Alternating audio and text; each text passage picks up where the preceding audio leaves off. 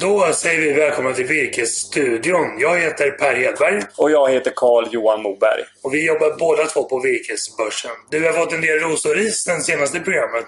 Ja, men det har vi fått. Och eh, det är ju framförallt liksom, riset är ju då mot vår ljudkvalitet och eh, bilden. Men nu hoppas vi att vi har förbättrat oss där.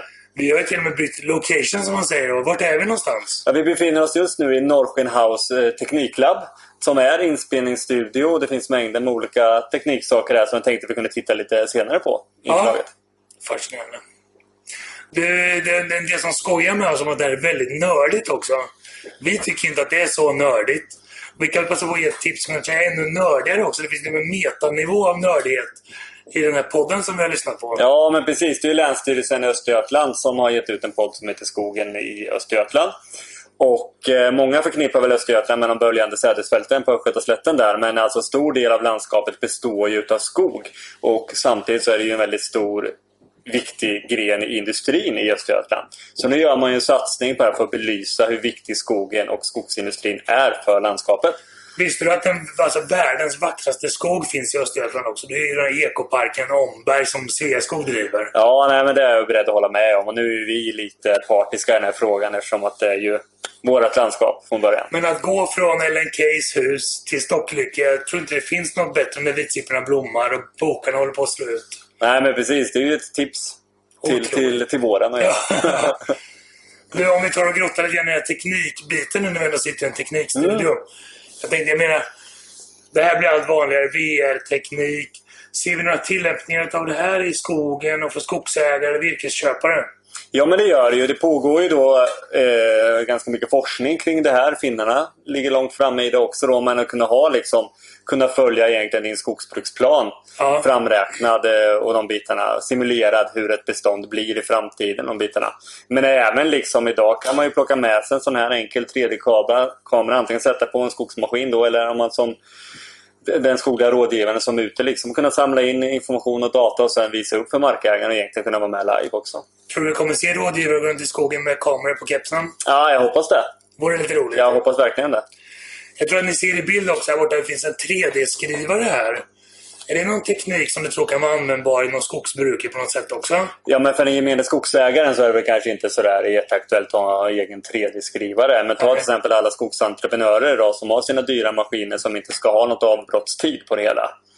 Där skulle man kunna möjlig, se möjligheten att kunna snabbt få tag på reservdelar och sådana saker. Ja. På samma sätt som man ser hydraulslangar är en sån där sak som många entreprenörer idag har egna slangpressar liksom. Ja. För att kunna hålla igång maskinerna och kunna göra egna slangar. Det är kul med ny teknik. Jag tycker min favorit var när vi la in skogsbruksplanen i den smarta, den smarta klockan. Och vi kunde gå runt och markera vindfällen och uppdatera våra skogsbruksplaner direkt i klockan. Ja, men precis. Trots allt är det här är ju en, en, en, en smart klocka då helt enkelt då liksom med GPS-funktion då. Och då kunna gå runt i skogen och logga de här också. Och det finns ju även kameror man kan använda då som är ja. Eh, an, eller anslutna till med en GPS liksom för enkelt kunna ta en bild. Här ligger vindfällen och sen ha en koordinat på det. Ja. Ja, det är uppenbart. Vi tycker att det är ganska spännande med ny teknik. Och har du tips på ny teknik eller funktioner som du önskar, skriv gärna till oss på info.virkesborsen.se. Ska vi gå in lite grann på marknadsläget för eh, virke istället? Ja, men det är klart vi gör det. Vad ser vi på marknaden just nu? Nej, men eh, det ju, eh, har ju hänt mycket som vi har belyst egentligen under alla våra avsnitt som vi har spelat ja. in. Eh, det har ju hänt i södra Sverige framförallt. Stort, väldigt stort utbud under hösten och eh, en, en, en, sättning i marknaden helt enkelt. Då. När vi pratar runt bland köparna så är man ju ganska full vad gäller båda. Vi har ett väglager, mycket där. Det är även börjar bli trångt inne på eh, på sågverken, massabruken och senast är ju också att det har öppnat mass massavedsterminaler då bara för att få bort virket från skogen Eh, och sen ha kortare transport in till industrin. Och det här gör man ju också som jag ser det för att eh, minska risken för granbarkborre senare fram ja. att få bort det färska virket. Då. Samtidigt tycker jag att vi ser väldigt bra prisnoteringar mellan Sverige och till viss del en del norröver också. Ja, nej, men så är det ju. Det är ju väldigt stor... Eh, det är klart att voly, volym, stora volymerna i Sverige är ju södra Sverige för det växer bättre. Ja. Men man får inte alls glömma det här. Det är ju en jätteviktig del i den svenska skogen. Ja. Mellan Sverige och Norrland. Liksom. Och där ser vi ju nu att det finns en, en hög aktivitet. Och samtidigt som priserna mjuknar i Sverige så ser vi nu att SCA går in och köper skogsmark i Baltikum. Ja, det är jätteintressant nu när Södra gick in och köpte sin stora kaka här innan jul. Och nu går Söd eller, eh, SCA in och köper 10 000 hektar.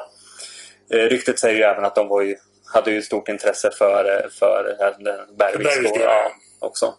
Sen kan man ju också titta på hur, hur prisbilden... Nu har- sägs väl att de har tagit runt 26 000 kronor hektaren. Ja. Och Södra betalar ju över 30 000 kronor Ja. hektaren. Så det är ju viss skillnad där också. Men samtidigt är det ju ett mindre innehav man får då också.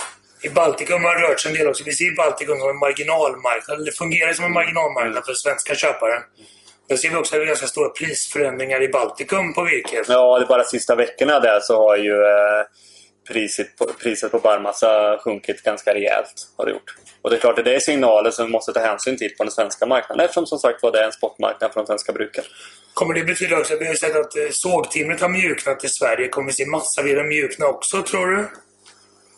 Det är ju en eh, svår fråga att besvara sådär. Men vi måste ju ändå ta de här signalerna vi får från Baltikum. Det måste ju tyda på någonting. Det blir jättespännande att se nu vad Södra rapporterar nästa vecka när de kommer med sin rapport. Ja, ja, och alla förväntar sig ett rekordresultat från Södra. Ja. Och är man medlem i, i föreningen så bör man ju förvänta sig en ganska bra utdelning på, Ja, eh, på sin efterlikvid där. det är väldigt roligt tycker vi. Ja, det är jätteroligt. Vi behöver ha starka företag i Sverige. Ja. Tror att vi kommer se utbyggnad av massaindustrin i Sverige också, kanske inte bara Södra. Men fler investerar i utbyggnad av massabruk och... Det har ju skett väldigt stor utbyggnad sista åren. Liksom. Ja. Både, både norr och söder där. Men det är ju klart att det finns ju mycket saker att göra. Förfina liksom. Kollar man då med Värö som är toppmodernt liksom. Och eh, Mönsterås som Södras andra stora bruk liksom. Det är klart att de skulle kunna göra saker där. Ja, men absolut. Men det tänkte jag nästan att vi skulle runda av. Jag skulle bara vilja visa en film som en tittare skickade in. Där inspektorn hade varit ute och drönarfilmat avverkningen efter att den var klar. Och sen skickar han drönarfilmen till skogsägaren. Det tycker jag är ett kul sätt att använda ny teknik. Så det kommer ett klipp på det här. Mm.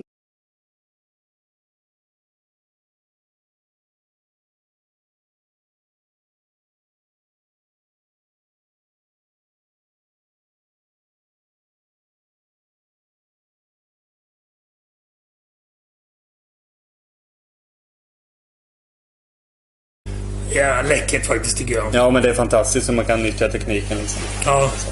Och det är nog bara början på det. Men det tänkte jag vi tackar för idag. Tack snälla Carl-Johan. Tack.